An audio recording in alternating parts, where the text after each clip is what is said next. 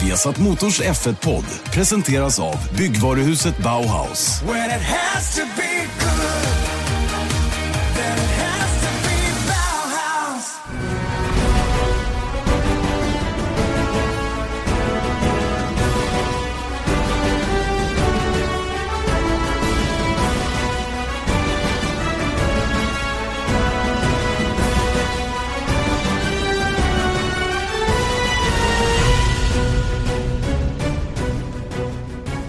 Supervarmt välkomna till Viasat Motors Formel 1-podd. En ny upplaga den här veckan en dag senare än vi brukar och eh, Erik Stenborg, det finns anledningar till det. Du har haft en, eh, ska vi säga att du har haft eh, eh utmanande 24 timmar? Ja, en lång natt i alla fall. Eller hur? Nej, ja, men jag, jag var ju i, eh, som vi sa i förra veckan, jag var på den här Formula One Broadcaster Workshop. Mm. Som det låter så coolt att säga.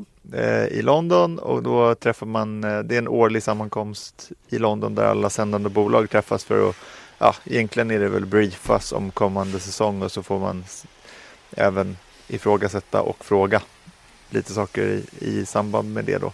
Eh, och då var det lite jobbigt att komma hem.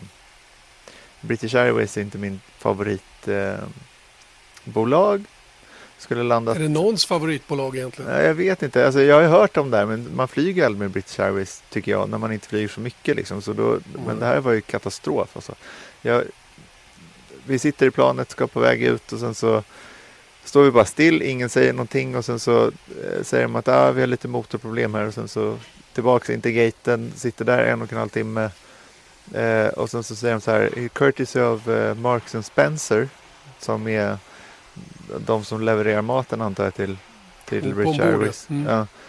Eh, så går vi nu ut med lite eh, complimentary drinks. Och då tänker man så här, ja, men då ska jag ta en kaffe i alla fall och försöka jobba lite. Eh, vi fick eh, vattenglas alltså. Åh, oh, schysst. Ja, det var allt man fick och så fick de inte sälja någonting annat heller. Så att, ja, det var katastrof. Jag var hemma vid tre på morgonen istället. Så det var Just lite det ovanligt lång resa från England kan jag tycka. Mm. Och så en gummisnodd i ögat idag på morgonen. Det är inte ja, bra. nej. och det var inte jag. nej, det var min son. Fick en, precis när vi skulle gå så får han en gummisnodd i ögat. Vi ska renovera vårt badrum och imorgon så åker jag till Los Angeles i en månad.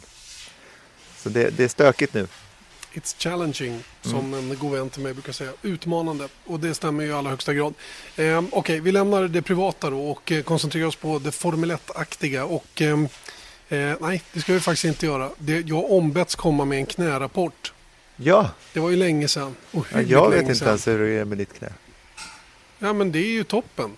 Jag, eh, jag har ju dels eh, blivit av med en femtedel av kroppen Alltså rent viktmässigt, vilket har hjälpt till ganska mycket. Och jag har inte ätit värktabletter. Jag tog faktiskt två stycken i Brasilien. Det, men det är sista gången och innan dess var det flera månader innan. Så att, eh, det har varit en eh, stadig kurva åt rätt håll. Så jag, jag spelar ju padeltennis, easy peasy nu. Det har ni ju till och med sett. Eh, men springa och sånt där det går inte. Va? Men, men eh, enklare fysisk aktivitet funkar. Så där mm. har ni knärapporten. Och det väger nästan ingenting längre heller. Ja, det, det var väl överdrivet. Va? Men, men det har gått väldigt, väldigt bra. Jag har tagit hjälp av en kille som heter Martin Lövgren. Han driver något som heter Fitnessakademin. Mm. Och eh, han, eh, han såg att jag hade behov av det här så han tog mig in under sina vingar och eh, har varit oerhört bra. Eh, så här mat, eh, kostscheman och sådana prylar. Så att, eh, han är en toppenkille verkligen. Mm. Det är bra. Det All blev right. lite personligt i alla fall. Ja, det blev det, det blev det. Men nu kan vi gå in på det Formel 1-aktiga. Och eh, det är också en, lite på request. Så ska vi prata lite Formel 1-test. För ehm, eh, Formel 1-testerna är inte så långt bort. Eh, de börjar den 26, eh, 26 februari, kör fram till den 1 februari och ner i Barcelona. Och, och frågan eh, har ju handlat om om, man, om det är värt att åka dit. Mm. Vad säger du? Abs ja, det, det beror på din intressenivå tror jag. Eh, för att det är ju men det är jättehärligt. Alltså om man säger så här. Åk till Barcelona på våren. För det är faktiskt vår då. Då kan det vara så här. Jag tror förra året så var det så 21 grader eller någonting sånt. Eh, mitt på dagen då. Och det är ju härligt i sig. Och så kan man åka ut en dag till banan. För man behöver inte knalla runt där i fyra dagar. Eh, för det händer ju inte så mycket. Och man vet inte riktigt vad som pågår. Och du vet, ibland ja, så blir det stopp på någon kör slut på bensin eller någonting sånt där så är det ingen som kör på två timmar. Så att det är ganska sporadisk körning men det är ju väldigt kul att se de nya bilarna, se nya färgerna på bilarna och bara liksom, det är en helt annan grej än att vara på en GP-helg. Verkligen, det är ju mycket, mycket lugnare framför allt och inte alls lika mycket folk och, och underhållningsvärdet är ju naturligtvis också därefter. Eh, jag håller med dig, en dag är det värt, inte mer. Eh, om man åker dit som privatperson bara för att, för att kolla liksom. Mm. Och eh, då skulle jag dessutom rekommendera vecka två, inte vecka ett. Eh, visst, det är roligt att vara där först när bilen rullar ut för första gången men första veckan tenderar att vara störd av inkörningsproblem och sådana grejer. Då är det bättre att komma andra veckan och i slutet på den när de börjar köra lite performance runs med mjuka däck och de gör riktiga race-simulationer, det vill säga de kör mycket. Det kan vara rätt intressant att hänga med på faktiskt med, med hjälp av en, en eh, klocka eller vad man nu kan ha. Då, för, att, för man kan ju mäta varvtiderna någorlunda själv. Inte mm. exakt på tiondelen Eh, kanske inte alltid på sekunden heller, men någorlunda har man hum om hur fort de kör i förhållande till varandra. Och det, det, jag tycker det är rätt spännande faktiskt att se de där race-simulationerna. Man, sitter man på huvudläktaren också då kan man ju se eh, depåstoppen som man gör live så att säga under en sån, under ett sån simulation. Då. Ja, det är ju å andra sidan så här två stycken då. Alltså, mm. Det är det som ja, är lite ja, konstigt, är man ser inte in i garagen eller någonting utan de stänger stänger för allting och sånt där. Men men det, det, är lite så här konstigt Formel 1-tillvaro. Det är inte det man är van vid om man har varit på, på race. Men, men det är just så där att allting känns nytt och det är en ny säsong och det, ja, men det, det är härligt och om man dessutom har tur med vädret så är det ju toppen. Och sen så kostar det ju praktiskt taget ingenting. Nej, 18, do 18 dollar, 18 euro per dag kostar det eh, testdagarna. Eh, och det är faktiskt gratis om du har köpt racebiljetter. Så har du mm. biljetter för att åka på racet senare under våren då går du gratis in med hjälp av de biljetterna under Formel 1-testerna. Sen kan man köpa upp sig på en, en rundtur inne på anläggningen också. Då kostar det 50 euro. Eh, mm. En, en, en dagsbiljett då, plus den här rundturen. Då. Så 500 spänn då, så får man, får man uh, gå runt och gå in i depån och titta in i mediacentret där alla journalister sitter och sådana grejer. Hur roligt mm. det nu är. Men det, det, finns i alla fall. Så att, eh, och, och, som sagt, åk andra veckan. Första veckan, det är som vanligt någon telekommässa i Barcelona, brukar vara det. Det kostar typ 6-7 eh, gånger så mycket, hotellen och ja, det är helt enkelt inte värt att åka ner första veckan. Andra veckan är bättre. Mm. Och parkering finns. Eh, det är absolut inte de här bilköerna som, som det är under en GP-helg och, och Mat finns. Man kan äta en liksom, halvkass hamburgare precis utanför paddock samtidigt som man spanar efter Lewis springande mellan garaget och motorhomet. Eller mig och JB för all del. Ja, ja, herregud ja. Det är väl vi som är det absolut stora dragplåstret.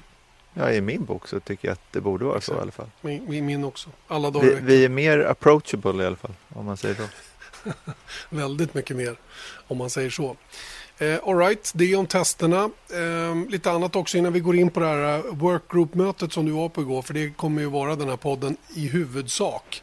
Eh, en lite intressant grej som har hänt sen senast är ju att man till slut kommit på bättre tankar när det gäller det här med minimivikten på bilar och förare. Det här är någonting som jag har propagerat för länge eh, och, och som många andra har gjort också. Då. Men, men eh, jag, tycker, jag har hela tiden tyckt att förarnas vikt skulle jämnas ut på något sätt. Det vill mm. säga väger man 69 kilo så ska man viktas upp så att man väger lika mycket som de tyngre förarna gör när de rullar ut ur depån. Eh, föraren så att säga då.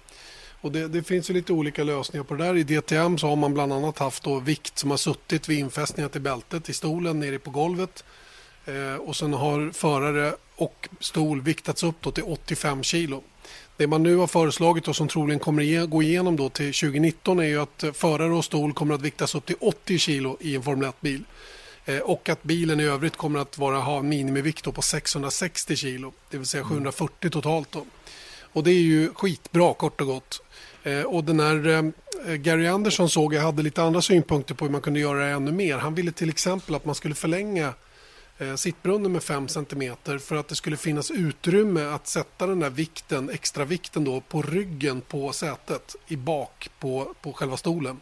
Och varför mm. då? Jo, för att det är där, det är där så att säga vikten man tar bort på en, en lättare förare då oftast återfinns då på en kille som är tyngre.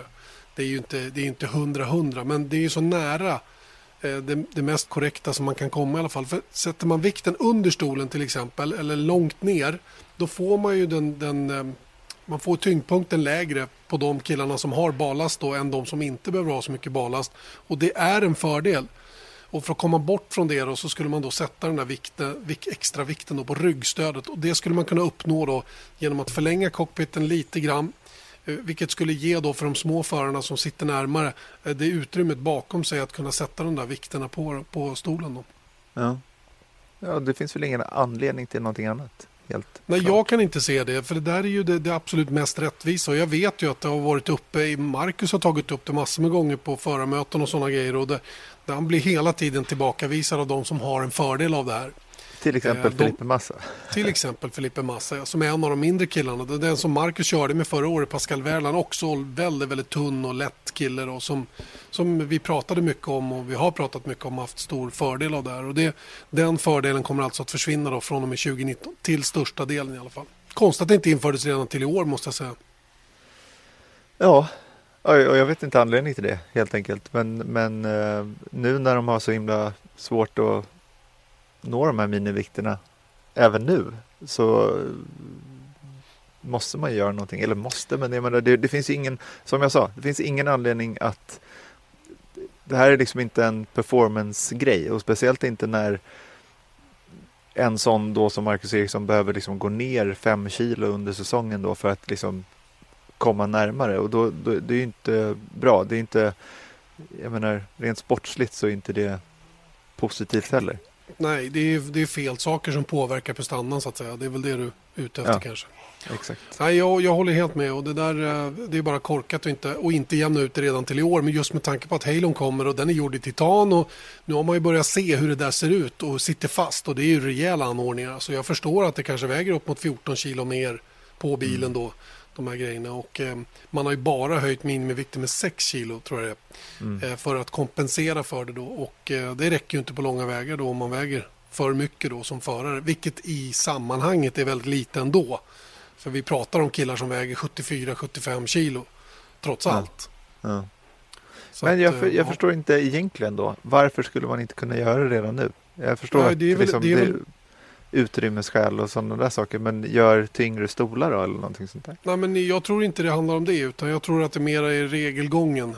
Hur nära inpå som man beslutar om det. det är, jag fattar bara inte varför inte det har tagits tag i tidigare. För då hade man kunnat införa det redan till i år. Ja, men det kom upp det... nu på det senaste World Motorsport Council-mötet. Ja, men hade det varit eh, Nascar så hade de ju bara, nu gör vi så. Infört det. Mm. Ja, och det är det man blir lite störd på. Och vi kommer in på flera sådana frågor Kanske nu? Ja, lite längre fram. Vi ska ta en sak till innan vi kommer till det. Och jag tänkte då framförallt eh, en spännande artikel idag som har kommit ut med en intervju som har gjorts med Fred Vassör. Eh, Saubers ny, nya då, teamchef sedan 17 juli förra året. Och eh, det som var en, en eye-opener så att säga i den artikeln var ju faktiskt att han en timme in i sitt nya jobb började med att cancellera dealen med Honda. Mm. Och det är ju en, det är en rivstart får man ju säga. det måste man säga. Går, då, då, då sitter man inte still. Verkligen inte. Jag måste dock erkänna att jag tror att eh, det hade nog pågått en del samtal innan om det här. Innan det officiella datumet när han började kom. Det är klart. Det är så klart. det var väl inte så att han bara kom in på kontoret och sa Hörrni, det första vi ska göra nu är att kasta ut Honda och ta in Ferrari istället. Men eh, ändå så tycker jag det, det pekar och visar på att det är en handlingskraftig man där. Ja, och ärligt talat, jag tror i och för sig att det är som du säger att, att de hade att det låg på, på lut så att säga. Men eh, jag tror att han är en sån person också som skulle bara säga Hörni, ring upp, eh, ring japanerna. Typ så. Han skulle mm. lätt kunna göra så. Han Just är det. en eh, tuffing alltså. Karismatisk på många sätt. Eh, lite lurig gubbe med ett litet leende i mungipan hela tiden. Va? Men en tuffing, va? det märker man. Va? Han skulle aldrig sitta ner och äta frukost och såna grejer med teamet. Utan han, han tar macka på stående fot. Och det är liksom in och ut i garaget och upp i sitt kontor. Och oerhörd frenesi. Det är stor skillnad verkligen på ledarskapet nu och innan han kom dit. Eh, ja. Monisha han jobbade ju helt olika och hade ju helt olika ingångar naturligtvis i det också. Då, därför att det är ju en riktig racer och jobbat med juniorteam innan där och haft stora framgångar med det också. Monisha kom ifrån en, en helt annan bransch så att säga in i det här oerhört viktiga jobbet. Ja. Jag, jag vet inte om vi har berättat den eh, lilla anekdoten eller vad det var. När vi står och överhör eh, Marcus har haft jobbig fredag typ och sen så är det efter tredje träningen får vi alltid en intervjutillfälle med honom och då så eh, har han liksom hittat massa saker och kört ja, riktigt bra eh, till material. Och sen så när den är klar då så står vi utanför och sen så möter han eh, Fred utanför och han bara så här, ja men nu, nu känns det bra så här. Han bara, ja men varför körde du inte så här igår då? Mm. Förstår du? Det är, liksom, boom, boom. det är inte så här, men vad kul att du vände på steken utan du borde redan ha vänt på steken när du Exakt, du måste Kom köra hit, så här liksom. fort på en gång. Mm. Ja. Ja. nej men han är, han är cool. Jag, jag, gillar, jag gillar Fred och jag tycker hela, hela det som man hör från honom nu i de här intervjuerna, för det är uppenbart en intervju som han har gjort flera artiklar av, eh, där han även pratar om, om eh, det här med budgettak och sådana saker då, som vi också ska komma till längre fram. Så, så pekar han på viktiga saker och jag tror att han är Say hello to a new era of mental health care. Cerebral is here to help you achieve your mental wellness goals with professional therapy and medication management support. 100% online. You'll experience the all new Cerebral Way, an innovative approach to mental wellness designed around you. You'll get a personalized treatment plan from a therapist, prescriber, or both in a safe and judgment free space. Your Cerebral therapist or prescriber will outline a customized plan with clear milestones along the way so you can get to feeling your best. With Cerebral, you're not alone in your mental health journey. We're here to empower you to live a fulfilling life. So take that first step towards a brighter future and sign up today at cerebral.com slash podcast and use code ACAST to get 15% off your first month. Offer only valid on monthly plans. Other exclusions may apply. Offer ends July 31st, 2024. See site for details. Den här starka ledaren som verkligen kan få saker och ting att gå åt, åt rätt håll. Och jag minns så väl när han slutade hos Renault hur min första tanke var nu. Nu kan Sauber få en bra teamchef. Ja. Och eh, ja, till slut så hände det ju. Även om det tog lite tid innan man nådde dit. Det var ju lite andra kandidater också på tapeten vet jag. Ja, som sagt, det är väl det, en av de mest spännande sakerna som vi har framför oss nu och se hur, hur det här blir nu med Alfa och eh, Vassör och Longbow och Leclerc och Ericsson och allt vad det är. Så det ska bli superspännande. Ja, det- på det viset så tycker jag att Sauber blir nästan det kanske mest spännande teamet utan att vara, utan att vara svensk så att säga. Så tycker jag, även om inte Marcus hade kört där så hade jag ändå varit väldigt, väldigt spänd på att se vilken transformation det här teamet kan göra nu med de förändringar som har skett. Mm. De och McLaren säger jag. Ja, verkligen. Och Lite åt andra Renault hållet lite Toro Rosso. Ja, ja, men Renault har ju inte haft den där förändringen riktigt på samma sätt. Nej. Utan det är mer så att de har, de har eh, liksom känslan i att de borde vara bättre. Men McLaren har liksom allt det där med att de ska ha en så bra bil och nu har de en bättre motor. Vad, Mm. vad, hur visar sig det då? Liksom? Och sen Mm. så då Red Bull har ju också höga förhoppningar på att de ska ehm, göra någonting. Liksom. Eh, Christian Horner var där på det där mötet igår och han var ju såg väldigt avslappnad ut och s- små snackade lite med honom och han var vet, man kan ju inte utläsa någonting av det i och för sig men jag tyckte Ja, men han är en skön gubbe. ja, han, han är peppad i alla fall. Är det någon som snarkar i bakgrunden så är det inte jag. Utan det är min hund. Mm. Jag Faktiskt, jag, inte hörde det hör. förra veckan att, den, att han pep lite. I, Ja, ja, men det var en andra. Det är valpen. Han är ju så busig så det, honom har jag skickat bort idag. Ja, det är bra. Mm. Du, är inte heller så då- lätt alltså? Nej, nej, jag har alltid en liten utmaning hela tiden. Ja, det är så. Motvind. Jag börjar, jag börjar längta ut on the road nu, måste jag säga. Du, det har du gjort sedan i första helgen i december. Nej, inte då faktiskt, men ärligt talat, nu börjar det klia lite i fingrarna, det måste jag säga. Och därför så är det kul att prata om det som du var på igår, för det, det ger mig god energi. Eh, Ja. Och eh, om vi börjar Erik med att eh, återigen berätta vad det här är för något. då. F1 Broadcaster Workshop som ni har för tredje året blivit Ja. kallade till. Ja, och det är ja, man är helt enkelt inbjuden bara för att liksom, det- det är väl någonting, och det började faktiskt under Bernie-eran, eh, att de tog in och, och liksom bara de insåg väl någonstans att vi inte är fienden, liksom, de sändande bolagen. Utan det är liksom faktiskt Formel 1 röst, eller vad man ska säga. Det är så de förmedlar vad de håller på med. Och, jag tycker det är eh, kul. Det är, en, mm. det är en oerhört intressant eh, grej. Det har man ju aldrig hört tidigare. Att vi är verktyget för Formel 1 att nå ut till den stora publiken. Mm. Vilket eh, när man tänker på det är ganska självklart. Men så har det aldrig presenterats för oss. Nej, och det här var liksom någonting som samtliga sa, det blev nästan lite löjligt liksom. För att jag menar tidigare år så har det varit, första året så, så var det ett sånt här möte och då fick man se deras faciliteter och bla bla bla. Vilket var intressant men, men det var liksom, ja, jaha, okej. Okay. Det var mer eh, kul än, än supernyttigt. Eh, och det var inte direkt så att Börn Eccleston bemönade sig att komma dit och, och prata med oss eller bara visa, visa ansiktet åtminstone utan eh, men nu så är det, nu var det liksom jättesatsigt i form av du vet, Chase Carey var där, Ross Braun var där, Sean Bratches var där.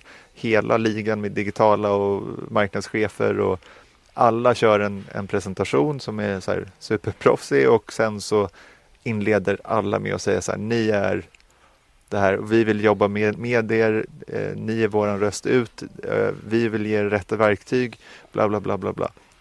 Sen då kan man ju ifrågasätta om, om det där, för det är fortfarande samma liksom principer. Vi jobbar ju väldigt mycket med teamen och sådant, men de gör eh, Formel 1 gör i alla fall vad de kan eh, och är långt mer tillmötesgående bara när man kontaktar dem om så här, nu skulle vi vilja filma på det här sättet. Och de bara, ja men visst. Liksom, det, det, är inga så här, tidigare liksom om man hade, man har ju sagt camera permits, alltså klisterlappar på, på kamerorna.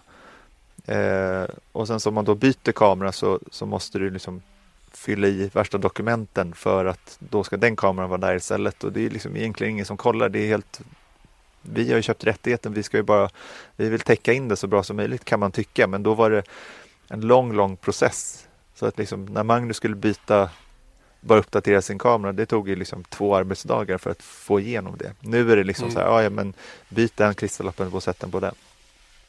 13 att, olika typer av pass eller vad finns det? Eller har funnits ja. i alla fall. Jag vet inte hur det kommer se ut i år men, men det är ju bara det är ju signifikativt tycker jag för alltihop att det ska vara olika pass. Mm. Eh, för, för, för accessen så att säga på banan. Ja, ja. det är väl något ja, det finns väl något syfte med det egentligen då. Men, men sett i presentationen då och det, det känns även här som att Liberty har kommit till oss också så att säga. Vilket känns eh, jättekul. Sen så var det ju åtta timmar då med konstant info. Eh, vilket slutade med sex A4. Tio punkter heter det va? I storlek med mm. jävligt röriga eh, anteckningar. En del är faktiskt eh, hemligt. Eh, det är lite så här uh, sån här NDAs fick man, vad heter det? Non -dis Disclosure, Disclosure Agreement. agreement ja. mm. Eh, och det är härligt att kunna säga det, att jag sitter på hemliga saker här. Men, det är eh, hur cool som helst ja. Och jag eh, har dessutom inte fått höra dem heller. Nej, visst, visst. Men jag har tagit fram några huvudpunkter, vissa ganska lösa, andra lite mer cold hard facts som vi kan sure. diskutera vidare från. Tycker jag. Tycker jag. Och vi, vi börjar direkt tycker jag. Punkt nummer ett. Som, ja. eh, som du har lyft fram här nu då.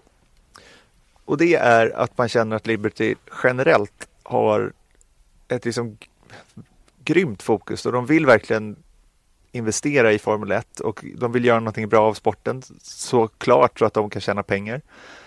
Och jag säger så här, känslan av att de ser på sporten lite som att ingenting är heligt de förstår traditionerna i sporten. Att allting ska börja, du vet, racen börjar klockan två och sånt där också. Men det är också sån där, varför är, är det här viktigt? Det är lite samma sak som vet, Ross Braun har pratat om att eh, vilka delar på bilen är faktiskt viktiga för fansen. Det är lite samma sätt som de ser på varför är det här viktigt för Formel 1 eller är det bara för att vi alltid gjort så? Det är lite så de eh, liksom ser på saker. Så, och, och samtidigt känslan att de inte kommer göra så här galenskaper, du vet som Börn Eccleston när han kom in och sa att Nej, men nu ska vi börja sprinkla banan mitt i, mitt i racen så du vet, det kan komma helt plötsligt så att det blir artificiellt regn. Det är inte sådana mm. grejer. De, de, de är, som jag säger, de, är, de, är, de vill värna om om traditionerna. Just det, och de har ju förstått vilka det är som faktiskt betalar för kalaset. Va? Och det är de som ska, hur det än är, så ska ju Liberty sälja en produkt som någon vill köpa. För det är det som kommer att ge dem vinster. Och då är det ju självklart att de ska ha det här fokuset tycker jag. Ja, och det som de har nu, vilket de inte haft tidigare, vilket är också helt sjukt, ett massivt så här, marknadsteam för att nå Formel 1-fans oavsett intressenivå och nästan ett ännu mer massivt research-team för att förstå oss fans faktiskt och fatta besluten därifrån. Så liksom sammanfattningsvis är min känsla att det här i grund och botten är bra för alla, men vissa av oss som kanske är lite mer purister, jag tror att alla som lyssnar på det här är ganska ja, framförallt purister. Liksom. Eh, förändringsovänliga. Ja, men lite att det finns, eh, finns, finns någonting där. Och vi kan nog få komma och höja på ögonbrynen på vissa saker som kommer komma kommande år. Jag kan inte säga någonting konkret då, för att det var inte så himla konkret de presenterade heller. Men som jag säger, det är ingenting som är heligt längre. Kul. Det tycker jag är bra. Det är, en, det är ett gott tecken på något sätt att inte hålla på och tassa som katten kring het gröt på något sätt. Va? Utan, eh, utan vara lite mera så här, eh, ja, våga, våga göra grejer och adressera verkligen problemen. Eh, och apropå katter. Ska vi se om Erik plockar den här pucken. Han har nämligen skrivit om nästa man. Det, det, vänta, det bara vår connection mellan varandra dog så att jag såg bara en frysbild. Du såg jätteful ut på den eh, frysbilden. Gjorde någon konstig min så jag bara, vad händer nu? Ja, ja, okej, okej. Apropå katter sa jag. Ja, Sean Bratches, han är den Just coolaste katten i stan. Du vet ju hur han ser ut. Ni får nästan ja. googla en bild på honom. Han, han alltså, känns som han är tre meter lång mm. och har liksom, han har satt Chase Carries mustascher liksom på hans ögonbryn. De är så, det är så buskiga så att det inte är sant. Och de är hade... lika, de är lika så manikurerade som, som, som uh, Carries mustasch också. Liksom, ja. Verkligen, de kammade varje morgon och fått lite hårspray. Ja, ja men det, det är, han måste ju nästan frisera det där. Alltså, för det, det ser helt sjukt ut. Och sen så har han så här långa polisonger, du vet så här. Jag vet inte vad han har för stil. Ja, ja men, men det, han är så. cool. Han är cool mm. som fan. Och grejen är att jag har ju mött, stött på honom i depån. Och du vet de här gubbarna, de morsar man inte på. Det finns inte på kartan. Han, första gången jag, vi, mött, vi liksom gick mot varandra, vi skulle passera i, i paddocken. Då bara gick han rakt fram, rakt fram, tittade med ögonen och så slet han fram näven och sa tja. Ja, oh, hej, så jag. Och så var det inget mer med det. Och så gick han vidare. Allt bra, ja, ja det är toppen. Och så knottade vi vidare. Va? Så det är den typen. va. Stint blick, bara kolla rakt in igen och, och liksom sa hej. Vad kul att du är här, typ. Det var det han förmedlade. Ja, och han har, han har pondus alltså. Och även Chase Carey. Och det är lite där också att man ser, man iakttog ju, de gick ju runt där och liksom, de står bara och dricker kaffe liksom. Så står man bredvid dem och chitchattar lite grann. Och liksom, det är bara så här approachable och det är väl det som är amer eh, amerikaner. Liksom. Men jag måste bara sett till, eh, bara ett bevis på hur faktiskt cool han är. Jag har aldrig liksom reflekterat över det tidigare, men han går upp på, han är sån där som äger rummet liksom. Bara genom att vara där. Innan han ens pratar så, för han går upp och är så här så sjukt liksom, bekväm i situationen. Och så kommer någon assistent springande upp på scenen och vill ge honom en mick. Han bara I'm good man. Så, och så bara kör han på. Och då så sätter han igång typ 10 minuter ös om Formel 1 och vad han ser framför sig och eh, blandat med liksom var man kan få den bästa dry martinin i, i, in i London och sen så bara kör han inte några eh, punkter liksom att hålla sig till utan han, bara, han bara kör det. Det var, det var ingen klassisk powerpoint direkt. Verkligen inte. Han hade inga slides eller någonting heller, men jag tror att han var den som nådde fram mest. I varje mm. fall till mig. Jag var alldeles hänförd. Jag, liksom, jag ville käka middag med honom efteråt. Och sätta Sean Bretches på kartan lite då. Han är alltså den, han, är, han har motsvarande position som Ross Braun fast kring det marknadsmässiga, marknadsföringsmässiga då. Medan Ross Braun då har, har, har eh, positionen rent sportsligt och, och tekniskt med bilar och sådana saker. Då. Mm. Och han har jobbat alltså 30 år på ISBN och dragit den kanalen från vad det var för liksom, det, det, var ju ingenting då. Så han har ju varit med på hela den resan så han förstår ju också sändande bolag. Och det är väl inte för inte då som han har tagit in väldigt mycket av sina gamla liksom, vad ska man säga, kontakter och bolag som han har jobbat med tidigare. ISBN sänder ju Formel 1 i USA till exempel och det är väl inte någon eh, jättechock kanske. Nej, Eh, de kommer att göra i alla fall. Ja, de kommer göra det. Eh, han, han drog några grejer som jag, jag, jag kan eh, säga att det är ju just det här att de kan komma att justera starttiderna. Den här tvåstarten lokaltid, den tittar de på för att de vill se vad är bäst för tittarna och hur kan de få maximera eh, tv-tittning. Och då kanske det inte är klockan två på en söndag. Det är inte heller klockan åtta en söndag i, i Spanien. Men däremot kanske skjuta på det lite grann. Och det var det som är min känsla att de kommer skjuta på det. Snarare de kommer inte flytta fram någonting utan det kommer skjuta på det. Och även kanske inte heller att det kommer starta hel timme. Nej. vilket är, är sånt där. Och det, det, en, en eh, tidlista borde ju komma inom kort. Jag, jag fick se en. Eh, vi fick absolut inte röja den så att jag har en god idé om hur, hur det kommer se ut. Men och om den går igenom så är det inte start hel timme alla dagar. Nej. Cool. Eh, Nästa.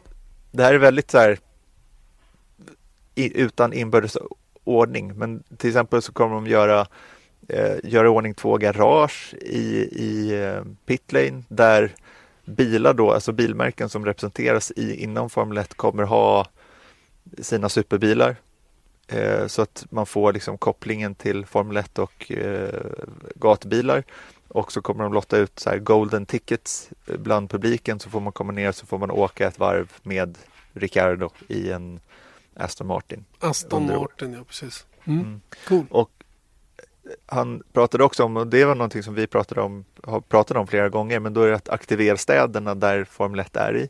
Eh, han berättade en så här eh, Första gången han kom till ett, ett F1-race, jag tror det var i Italien, och han, det slog honom att det, när han landade på flygplatsen, det fanns ingen indikation, varken på flygplatsen eller i Milano, om att det pågick Formel 1. Och det är sådana där grejer som de ska dra igång då tillsammans med racepromotorna eh, och göra flera sådana här fanfestivals, lite som den här London Live. Så de kommer göra Mm. fyra stycken under åren och jag har eh, ställen där de kommer göra det, men jag kommer faktiskt inte ihåg om jag får säga det. Men det kommer nog komma passar. ut ganska kort, så att jag, jag hoppar över det. Gör det. Det är bra. Jag vet, Eh, jag ser. Men, ja, men det är väldigt bra. Jag menar, kolla på London Live, det tror jag var en succé faktiskt. Mm. Och då kommer man göra fyra stycken sådana då. Vi kan stanna lite på den punkten för precis som du sa så har ju vi, vi har ju påtalat det här och det här har varit väldigt starkt för mig att det har varit så konstigt att man har varit på vissa ställen där det, jag menar ta Barcelona som är ett sånt ställe där, där Formel 1 har kört sedan 91 när banan byggdes. Det är ju av hävd i alla fall de senaste 10-12 åren så har det ju varit en enormt, ett enormt stort intresse då. Fernando Alonsos VM-titlar och hela hans uppenbarelse i Formel 1. Vi har starka spanjorer som kör och, och hela den grejen. Det, det är inte mycket som, som syns inne i centrala Barcelona om att Formel 1 faktiskt är där. Och det där kan jag inte begripa när det är så lätt att bara uppe på Catalunya-torget bygga en stor scen eller vad man nu vill vara nere vid havet eller, eller och så har man en, en två timmars eh, typ konsert eller vad man ska kalla det då med allt som händer och presentera förare och det, finns, det går ju att göra som ett festivalområde där nere också. Det där är ju förhoppningsvis då på gång och jag, man, man undrar ju varför det har, vad, liksom, vad är det som har hållit tillbaka det här? Jag tror bara att de har haft annat att tänka på på något sätt. Att det, är liksom, det har varit, eh, jag tror att hela generellt sett inom Formel 1 har det varit lite så här crisis management och det var någonting som Ross Braun sa också att så här, inom Formel 1 har det varit så mycket så här eldar att släcka men nu när de istället lyfter blicken och tittar långsiktigt så blir det mera utrymme att hålla på med sånt här. Eh, men det här, de här fyra fanfestivalerna kommer bli av. Det är inte att de tittar på det utan de, de, det kommer ske. Mm. Eh, så att de, de är ju på gång där, absolut. Sen så en intressant grej är att de kommer göra en behind the scenes-serie som de kommer släppa på, på Netflix. Eh, antar att det blir någon form av dokumentärstuk på det. Ungefär eh, ja, ett antal avsnitt som kommer gå på, på Netflix. Så. Också supersmart för att aktivera, tror jag. Eh, Ja. De har gjort en deal med eh, det här amerikanska bolaget Fanatics om de här superstores på banorna och det som man sa där var att vi pratade om merch tidigare, men det är tydligen inte bara merch utan då är det liksom klädmärken som har att göra med Formel 1 som kommer också kunna ha sina shop-in-shops liksom. Om det nu är Just. Boss, de är väl inte kvar men liksom Michael Kors och, och, och de, klädmärk, ja, de klädmärkena som finns på, på teamkläderna kommer finnas där. Jag, jag rullar på lite. F1 Ja, kör på, parfym. kör på. Parfym ja, perfekt. Perfekt. Det är Barbro. Frugan, till frugan. Ja, då Barbro hon du- skulle gilla det. Så. Om Ja, den doftar kan- gott. Ja, det, men det kan jag inte svara på. Men det är i alla fall en Formel 1-parfym och det handlar ju om att du ska ju gilla den här doften också. Just Och det. om, den, om det är en Formel 1-logga på flaskan så då gillar Det man är ju det. öppet mål. Det är öppet mål. Det går inte att misslyckas. Man är ju en Ja. vinnare alla dagar i veckan om man kommer hem med en sån. Eh, en, den här OTT-tjänsten som vi pratade om, den här Ska digitala. vi förklara OTT lite? Jag är inte riktigt klar över vad over the top egentligen betyder. Nej, det är ju egentligen Vi tar via Play. Mm. Det är en OTT-tjänst Okej. helt enkelt. Ex- Extra kanalerna som vi sänder, det är extra material. Lite mer Precis. än bara Extra det som är på tv. kanalerna, eh, live-timingen och allting sånt där. Eh, det är en OTT-tjänst och den kommer de släppa i någon form. Vissa, att den kommer vara live för viss, i vissa territorier, eh, inte live i andra och det har väl att göra med befintliga De avtal. avtal som jag är lite osäker Mm. här på, på mm, vad, vad jag ska eh, gå in på. Att, men det, det, en sån kommer i alla fall. De kommer släppa en ny webbplattform och sen så gör en jätte utökad satsning på, på e-sport, vilket är lite kul för det här pratar de alltså att all, samtliga Formel 1-team har hört av sig själva till Formel 1 för att eh, se hur de kan engagera sig mer i e-sport för att starta riktiga team. Alltså, och då pratar de om att signa upp e-sportförare. Så du kan bli liksom en Red Bull-förare i, i Formel 1 Mm. inom e-sport då. Så då är du betald av Red Bull för att köra för de teamen då. Man behöver inte ha egna sponsorer med sig då. Kan inte svara på det. Kan inte svara på det. Det är inte fullt så dyrt att åka e-sport kanske. Nej, jag tror inte det.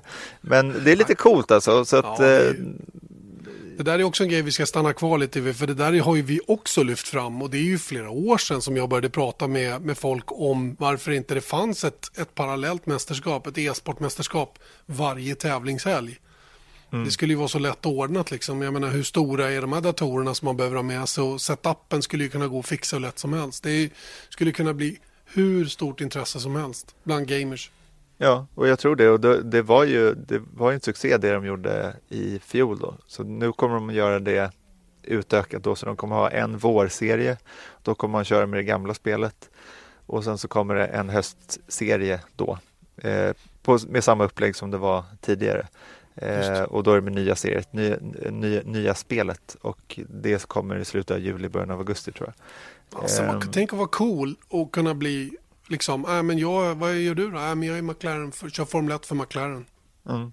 E-sport. Eller för Ferrari e-sport. Det är ju hur Ja. fränt som helst. Ja men verkligen och jag antar att det, jag vet inte exakt hur det där fungerar men då, då gör, man kan väl, det är väl inte bara två heller då utan man har Ja, kanske kan någon ha en, i varje en, land. En skvadron, eller jag säga. Ja men visst, en i varje land. En i varje land där man kör eh, Grand Prix kan man ha till exempel. Mm. Eller man kan, eh, man kan ha en, eh, tio stycken som tävlar under Red Bull-flagg eller, eller Ferrari-flagg eller vad det nu är. Mm. Ja men visst. Mycket bra, mycket bra. Okej, det var från Sean Bratches alltihopa det här va? Ja, det var det. Ah, det är lite blandat från, från alla. Det, som sagt, det var något rörigt. Men eh, Mm det som jag tyckte var en väldigt intressant punkt också, vi var inne på det lite tidigare, och det är just den research som Formel 1 lägger ner nu. Och det existerade inte under Börne Ecclestone. Eh, och nu tittar de på banne med allt alltså. De, de, som ett exempel så trackar de folk på banan. Det gör de inte överallt, men de, bör, de testade att göra det i eh, Austin i USA alltså. Där man liksom, när man signar upp sig på banans wifi, då följer de då det är inte, det är inte integritetsskyddat då såklart, men det, då, då, så de visade liksom grafer på var folk befinner sig vid olika tider.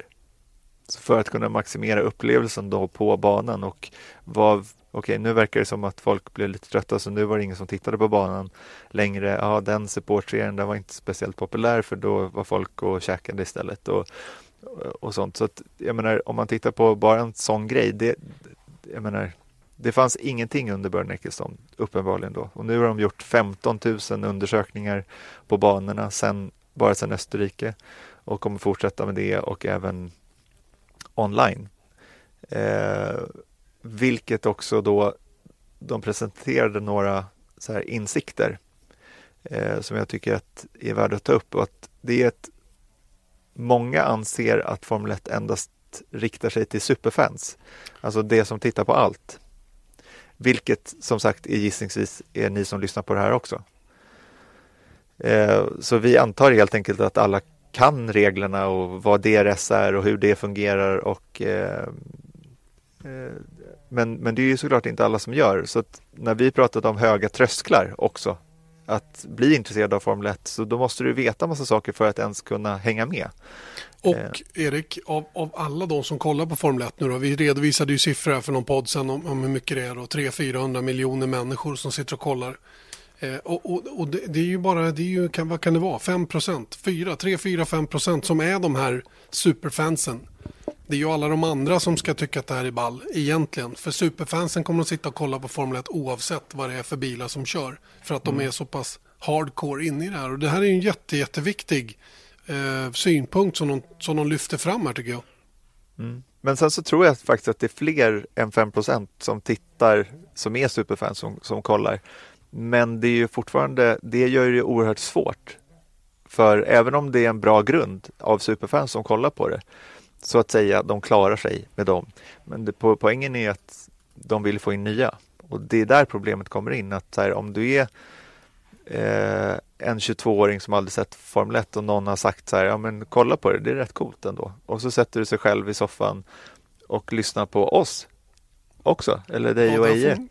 Verkligen. Ja, och då, det är inte helt enkelt alltså, första racet. Det, det, det krävs någonting då för att du ska hänga med första gången du ser ett Formel 1-race. Även mm. om vi försöker liksom påminna oss själva om att berätta vad DRS är och, och sådant. Då. Men, men det här är inte bara i sändning utan vi har ett ansvar där absolut. Men, men det är också vad de presenterar eh, på digitala sociala medier till exempel också. Så de ska liksom, ja. Sen är det ju enklare för en produktion att kanske smyga in de här små regelförtydligandena eh, bitvis rent grafiskt i rutan utan att man behöver prata om det. Vilket mm. gör att det inte stör puristerna heller så att säga. Utan då, då bara visar man en, då kommer, glider in en grej, DRS, det funkar så här, betyder ja. det och det och sen så bara glider det ut igen och så, kör, så bara sändningen rullar på liksom. Eller mm. vad det nu är då. När vi pratar DRS, nu pratar vi DRS bara för att det är en sån här fikongrej som man använder, en förkortning för någonting som är mycket mer komplicerat. Mm.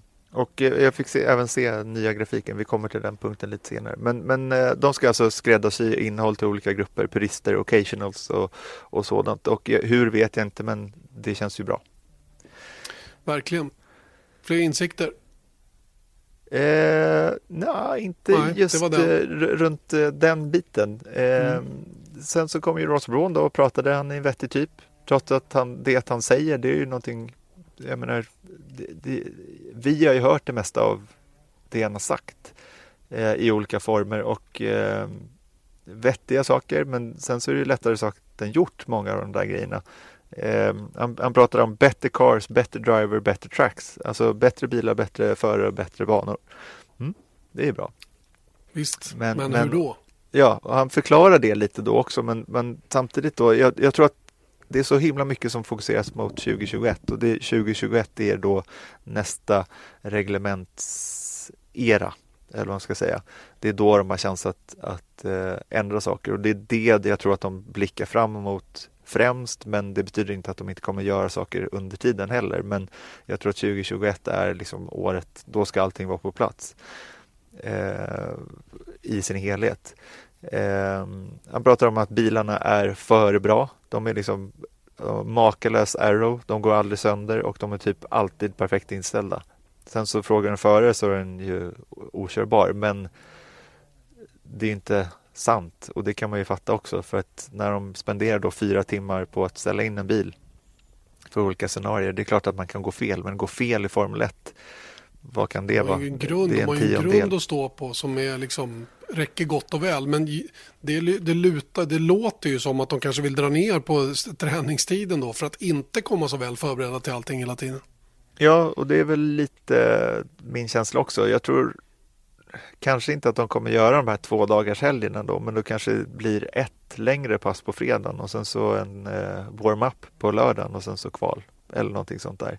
Jag mm. tror, min känsla var att de kommer fortsätta med under överskådlig framtid i alla fall med tre dagars helger, men att de kommer kanske koncentrera det lite för att en del att spicea upp det hela. Liksom. Ehm, Ja, men, och sen, sen ja. en, en, annan grej det är ju att de pratar om att, att designa bilarna först utseendemässigt och sen tvinga designers och team att göra dem snabba. Utifrån, ja. utifrån de förutsättningarna. Ja, och det tror jag är också att de pratar ju om att de är så arrow eh, dependent, alltså att eh, det är så svårt att liksom följa eh, varandra i Formel 1 för att aeron är så bra så att om du ligger för nära bakom så tappar du halva aero-effekten. Och det vill de inte utan de vill ju att det ska vara, ja men man kan väl säga sämre arrow egentligen så att det inte spelar så stor roll. Lite så som Felix Rosenqvist beskrev det med Formel E att de har nästan ingen downforce alls så de, där spelar det ingen roll om man ligger nära eller, eller ja, avståndet till bilen framför. Eh, men då också att de vill att bilarna ska se coola och häftiga ut. Så det var det de pratade om då, att de har i alla fall en tanke om att de skulle då designa en riktigt cool bil med de här eh, aerodynamiska karaktär, alltså karaktären som behövs då och sen då bygga reglementet efter det. Hänger du med? Ja, jag tror det. Och jag läste en annan artikel där det står att de, de framtiden så fokuserar man på tre performance factor som man säger då. Där aeron är en, motorn är en och, eh, och suspension är den tredje. Och mm. de här tre sakerna är det som ska påverka bilens prestanda allra mest. Då. Och det är väl, låter väl klokt och det, det touchar ju lite på det du pratar om här naturligtvis. Då. Och sen att man runt omkring det då även skapar en bil som är snygg att titta på. För det är ju någonting som det alltid kommer upp när det görs förändringar. Att bilar blir fula, man har gjort ditten och datten och det var high-fena, nu är det halo och allt vad det nu än är. Att man hela tiden kanske lyfter fram det estetiska lite, lite längre fram då. Även om bilarna alltid byggs för att vara snabba, inte för att se bra ut. Nej, exakt. Men jag menar om man tittar på de här myrslokarna som kom 2014 så, så det, det blir ju fel. Jag menar mm. visst, det, det, ska inte man tänker, det spelar ingen roll hur en bil ser ut så länge den är snabb, men i det fallet så tyckte jag att det spelade roll faktiskt. De hade ju lätt kunnat lösa det i reglementet för att slippa de där fula nosarna som vi hade då 2014. Ja, exakt. Mm. Eh, All right. Ja, men vi, vi sen... hopp, hoppar lite där tror jag, eh, för det blir så otroligt mycket information. Att de säger, han, men han sa också better tracks, alltså bättre banor. Och de tar upp Abu Dhabi som ett eh, skräckexempel. Eh, och även track limits. Och här var en sån där grej som jag antar att han har en tanke om det här, hur det här skulle kunna lösas. Men de konstaterar att track limits som det implementeras idag är inte bra. Men presenterar inte en, alls en konkret lösning. Hur ska man då polisa det här? Just det. Och, eh, det är lite det här jag menar att, att hela, på hela taget så hela den här dagen igår då kändes ju superpositiv. Men det finns också, det är oklart hur de ska komma fram dit också. Men jag hoppas att de har en, eh, en, en tanke om det också. Det är klart att man har det. Men, men eh, det första, första steget till förändring är att inse sjukdom. Mm, att man behöver förändringen. Mm. Så är det ju. Och då kommer vi in lite på Christian Horner som, som var den deltagande eh, teamchefen då på plats eh, den här dagen. Och han, eh, han var ju tydlig med att han åtminstone jobbar. Ja, och nej, men han är ju skön alltså. Han, han öppnade med att säga ja, jag gissar att jag är här eftersom eh, Toto Wolff är för upptagen med att bada på Maldiverna.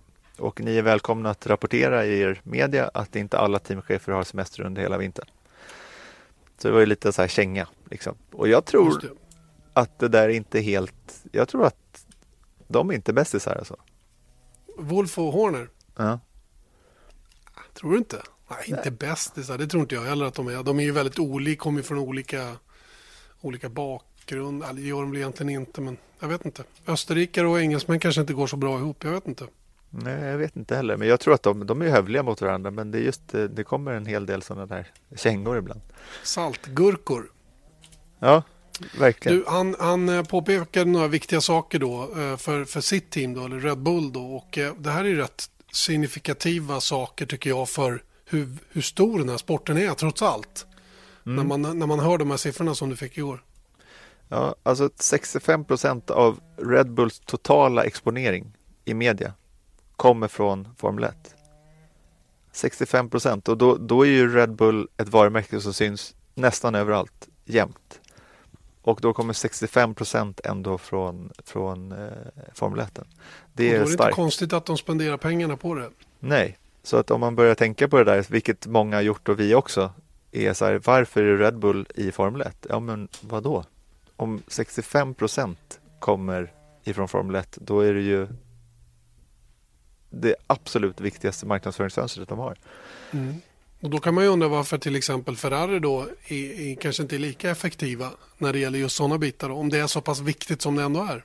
Ja, men det är det han pratade också. Han påpekade också hur viktig media är för Red Bull Racing. Vi, eller ni, betalar hans lön helt enkelt. För det är det som möjliggör att de kan hålla på med det här. Och då är, det var min första tanke när jag hörde det. Varför är Ferrari så otillgängliga? Jag menar, visst, vi får göra några intervjuer med Kim Räikkönen om året. Men du vet, att göra någonting lite mer speciellt eller någonting större, det är ju fullkomligt omöjligt. Och visst, jag vet att vi är från Sverige, det är en liten marknad, men, men eh, det handlar ju också om att, att skapa goodwill också, även hos oss såklart, att, att uh, vara lite schyssta och tillmötesgående och jag menar deras presschefer är ju genomgående svåra. De är, om de är utmanande, Erik.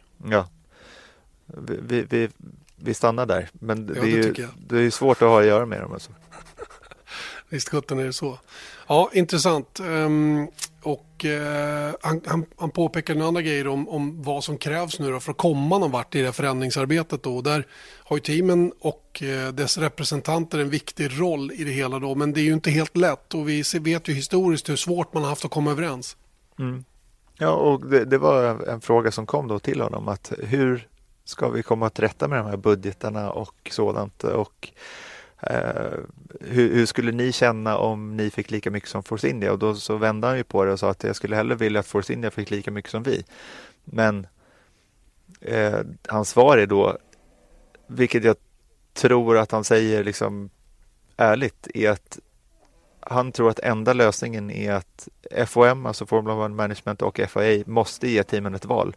Skriv på följande format och reglemente eller lämna sporten. Take it or leave it. För att han säger det själva, vi kommer aldrig komma överens. Mm. Det, är, det är hårt ändå att, att säga en sån sak för det kan man ju sitta som, som, eh, som du och jag hemma och tycka att vad fan Ferrari hotar med att hoppa av Formel 1. Ja men hoppa av, säg åt dem att hoppa av då. Mm stick om det inte passar. Men så funkar det ju inte, har aldrig funkat. Och det är ju därför det ser ut som det gör med de här bonusarna som finns. Att det, vissa har behövt sockras för de är viktiga för det, det totala så att säga. Och så kommer en kille som, som kommer från Red Bull då, som också naturligtvis ställer höga krav på saker och ting och, och säger mm. att take it or leave it liksom. Mm. Ja, ja, men det är klart att man kan uttrycka sig på olika sätt. Men det är, i kontentan så är det så här att okej, okay, det är klart att de kommer jobba även med Ferrari framåt mot 2021. Men någonstans så kommer de behöva sätta ner foten, alltså FOM och FIA för att säga så här, okej, okay, men nu har vi någonting som vi tror på, vad med eller inte. Mm. Och eh, eh, jag tror på det också. En, en, annan grej, och media har ju också stor, stort ansvar för eh, förändringsarbetet. Jag läste en intressant artikel häromdagen som handlar om något jag har skrivit om eh, också bara för någon vecka sedan innan den där artikeln kom faktiskt om det här med en gemensam launch av bilarna vilket Liberty hade på tapeten till exempel. Att man eh, tog en dag någonstans enklast ihop med försäsongstesternas start och så samlade man alla team och så hade man en, en team launch för, för alla samtliga då att man hade ett ställe där kanske media hade en egen dag och fick göra det de behövde och sen hade man då allmänheten som kunde få köpa biljetter och komma och få autografer och titta på bilarna innan det började rulla ut under de här försäsongstesterna. Och så läser man då att eh, typ Autosport då, där är det många konnässörer naturligtvis som sitter på redaktionen och, och tycker att äh, men det där var ju tur att Formel 1 inte gjorde för det hade kunnat blivit tidernas katastrof. Och då undrar man ju lite vilka skriver de för? För teamen eller för de som är fans? För ingen, kan ju, ingen från utsidan kan ju tycka det är dåligt att man har en sån här grej, eh, eh en samlad launch av bilarna. Bara för att eh, alla vill ha varsin dag, men det är ju ingen som bryr sig om det här längre i alla fall och gör det på, på något storslaget sätt. Och då är det väl perfekt att göra en, en, en säsongsstart kombinerat med alla andra. Men tydligen så sa ju alla teamchefer nej till det här och, och ingenting som kommer att hända. Eh, jag tycker också det är lite bakåtsträvande även från mediasidan eller talat om jag får tycka någonting i den frågan. Ja. Eh, men Erik, vi, vi rullar på lite grann då. Vi, vi, tiden går och det är roligt att prata. Men eh, konkreta nyheter nu då inför 2018. Hur kommer vi att märka det som ni pratade om på den här, på den här workshopen igår? Jo, det är kanske framförallt det som syns väldigt tydligt är ju att det kommer ny grafik. De presenterade den nya loggan och nya grafiska profilen och den kommer de plocka in i grafiken då självklart. Och den ser bra ut. Eh, den tydligare, mer förklarande, apropå det här att inte bara tala till superfans. Det är liksom mycket headshots på, alltså ansiktsbilder på förarna i grafiken och sen så du vet man såg ju tendenser till det förra året också att okej okay, det här, det vi följer nu är fighten om fjärdeplatsen. Och då lyfter de fram det med ansikten, teamloggor, så att säga, så man förstår vem som är vem. Och även liksom lite så diskreta pilar, så här, okej, okay, avståndet där, det är en pil uppåt och en pil neråt och sånt där. Så man, man, man förstår eh, intuitivt, tyckte jag det kändes som. Och mm. tydligare utan att skriva någon på näsan för, för de som redan förstår det. Just det. Eh, nya kamerapositioner kommer att se över. Det gör de ju varje år såklart då, men, men nu eh, har de börjat titta på det ganska rejält och de kommer testa någonting som de kallade internt då för Ultralaps. Och det är, de visade ett test då som de hade gjort i Japan på, och, och det, syftet helt enkelt är för att få återskapa fartkänslan bättre i tv. För det är ju någonting som fattas ibland. Eh, det känns inte som det går speciellt fort för att en kamera är felplacerad och det är otroligt viktigt. Alltså. Och det vet jag när vi gjorde STCC till exempel att man bara försökte jobba med den där hela tiden. Eh, men det här varvet som man såg från Hamilton i, i, på Suzuka eh, när de använde det, de vinklarna och den sättet att klippa på det, det såg snabbspolat ut alltså, fast det var inte det utan det var bara ett sätt att förmedla på det. Så det, det, det såg ut som att det gick eh, ja, 20% snabbare. Problemet mm. är att de klipper väldigt ofta. Så det blir lite, du vet den här MTV musikvideo bam, bam, bam, bam, bam, så liksom. Vilket gör att det kanske är svårt för dig och Eje att analysera exakt hur, hur, hur ser det här varvet ut. Det ser snabbt ut men man kanske inte ser, hinner se så mycket så här steering inputs och, och sånt där också.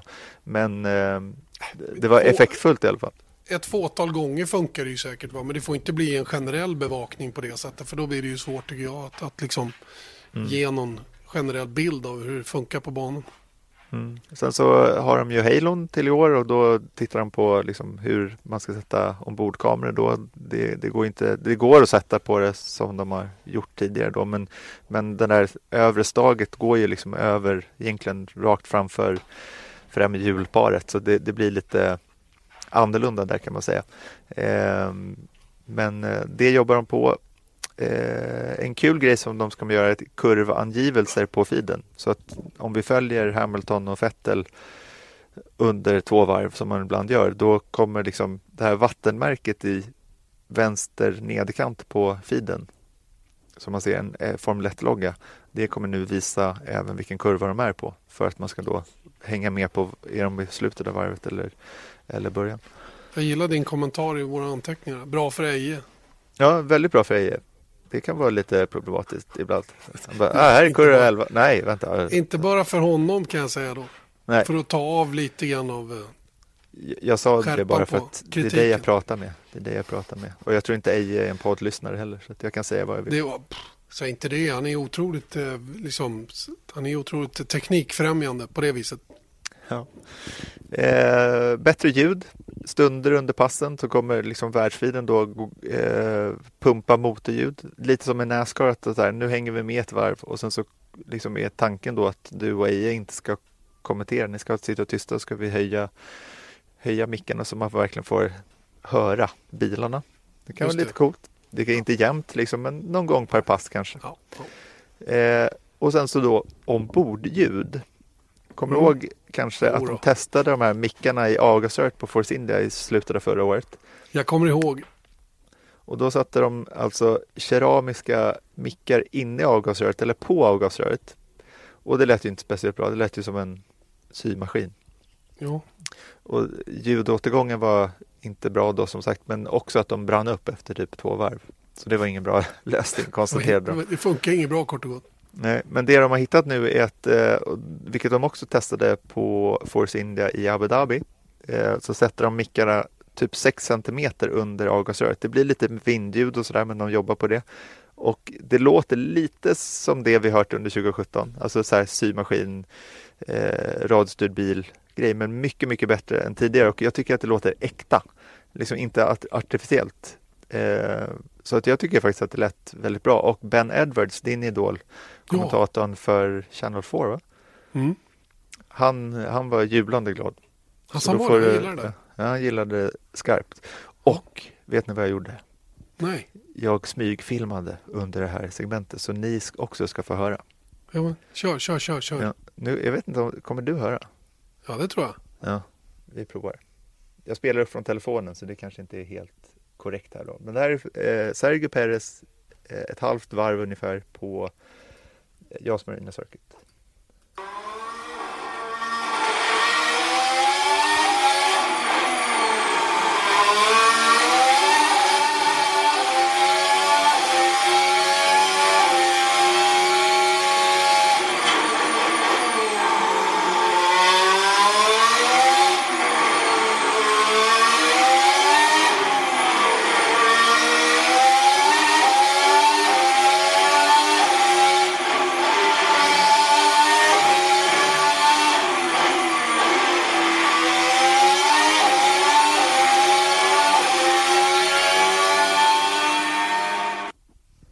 Där! Det var kanon ju. Jag vet inte hur ljudåtergången var där i vår podd, men i alla fall ett smakprov. Ja, men det, ja, inte lät det sämre på något sätt. Det tycker jag inte. Det, det, det, det är ju ett skarpare ljud så att säga än, än det som man har hört tidigare då från ombord och från de här typen av motorer. Mm. Och, de Men, var, eh, men, ja. och de var ju väldigt tydliga med att säga att det här är liksom äkta ljud. Det är inget eh, artificiellt i det här utan det är, det är bara sätt att plocka upp ett äkta ljud helt enkelt. Så det känns Just. bra. Ja, kul. Alright. Det var en eh, lång och eh, grundlig genomgång av den här workshopen som du var på i London. Då. Och, eh, det, är väl, det är väl bara att konstatera att vi tycker att sporten går åt rätt håll i alla fall. Man jobbar på bra områden om att försöka få saker och ting att, att se bättre ut. Eh, bli en bättre produkt helt enkelt. Då, och att man tar ett väldigt grepp om fansen då, som, som man menar är den viktiga ingrediensen då. Och verktyget för att nå fansen det är vi sändande tv-kanaler givetvis då, men även skrivande media. Media rent generellt då. Det här, den, den här eh, synergin har de ju tycks förstått i alla fall. Ja, ja men jag tror verkligen det. Och eh, det, som du säger, jag, jag är inte så säker på att ens vi, alltså om man tittar på oss som sändande bolag, kommer tycka att allting är superbra. Men jag tror att de har de rätta intentionerna, om man säger så. Om man ska Mm. avsluta på det sättet. Mycket bra Erik. Och eh, tack så mycket för att eh, vi fick höra därifrån. Och nu blir det ju eh, lite semester för din del, eller vad vi kan kalla det. Du ska i alla fall inte vara i Sverige de närmaste fyra veckorna. Nej, working holiday, så vi får jobba lite med nio timmars eh, tidsskillnad. Men det blir väl Just bra. det. Ja, men det är vi vana vid. Det kommer inte vara sista gången under året vi jobbar med den tidsskillnaden. Nej, jag tror faktiskt inte det. Och eh, har vi lyckats att podda från Sri Lanka och Schweiz simultant så, så Ja, borde det. mesta lösa sig. Det gjorde vi förra året. Det är faktiskt någonting som, vi, som jag ska göra medan du är borta. Jag ska åka ner till Sauberfabriken. Försöka Mm. få mig en smygtitt men framförallt få en liten pratstund med både Fred Vassör och med Jörg Sander han som ligger bakom årets bil och, och, hur den kommer att se ut. Man vill ju veta lite. Man vill ju ha lite inför testinformation. Ja. Och eh, det hoppas jag kunna få tag i så småningom. Då. Men det får vi återkomma till i senare poddar. Nu ska vi släppa iväg Erik för han är Plus sugen att gå på andra möten. Inte, plus att du inte vill uh, vara hemma längre heller. Nej, du exakt. Jag behöver, ut och röra på. jag behöver ut och röra på mig, helt klart. Ja. Eh, tack för den här veckan hörni. Kul att ni var med och lyssnade. Vi är tillbaka med en Formel 1-podd om en vecka igen. Då är dock Erik på plats i Los Angeles. Så det kan ju vara spännande. Vesat Motors F1-podd presenterades av byggvaruhuset Bauhaus.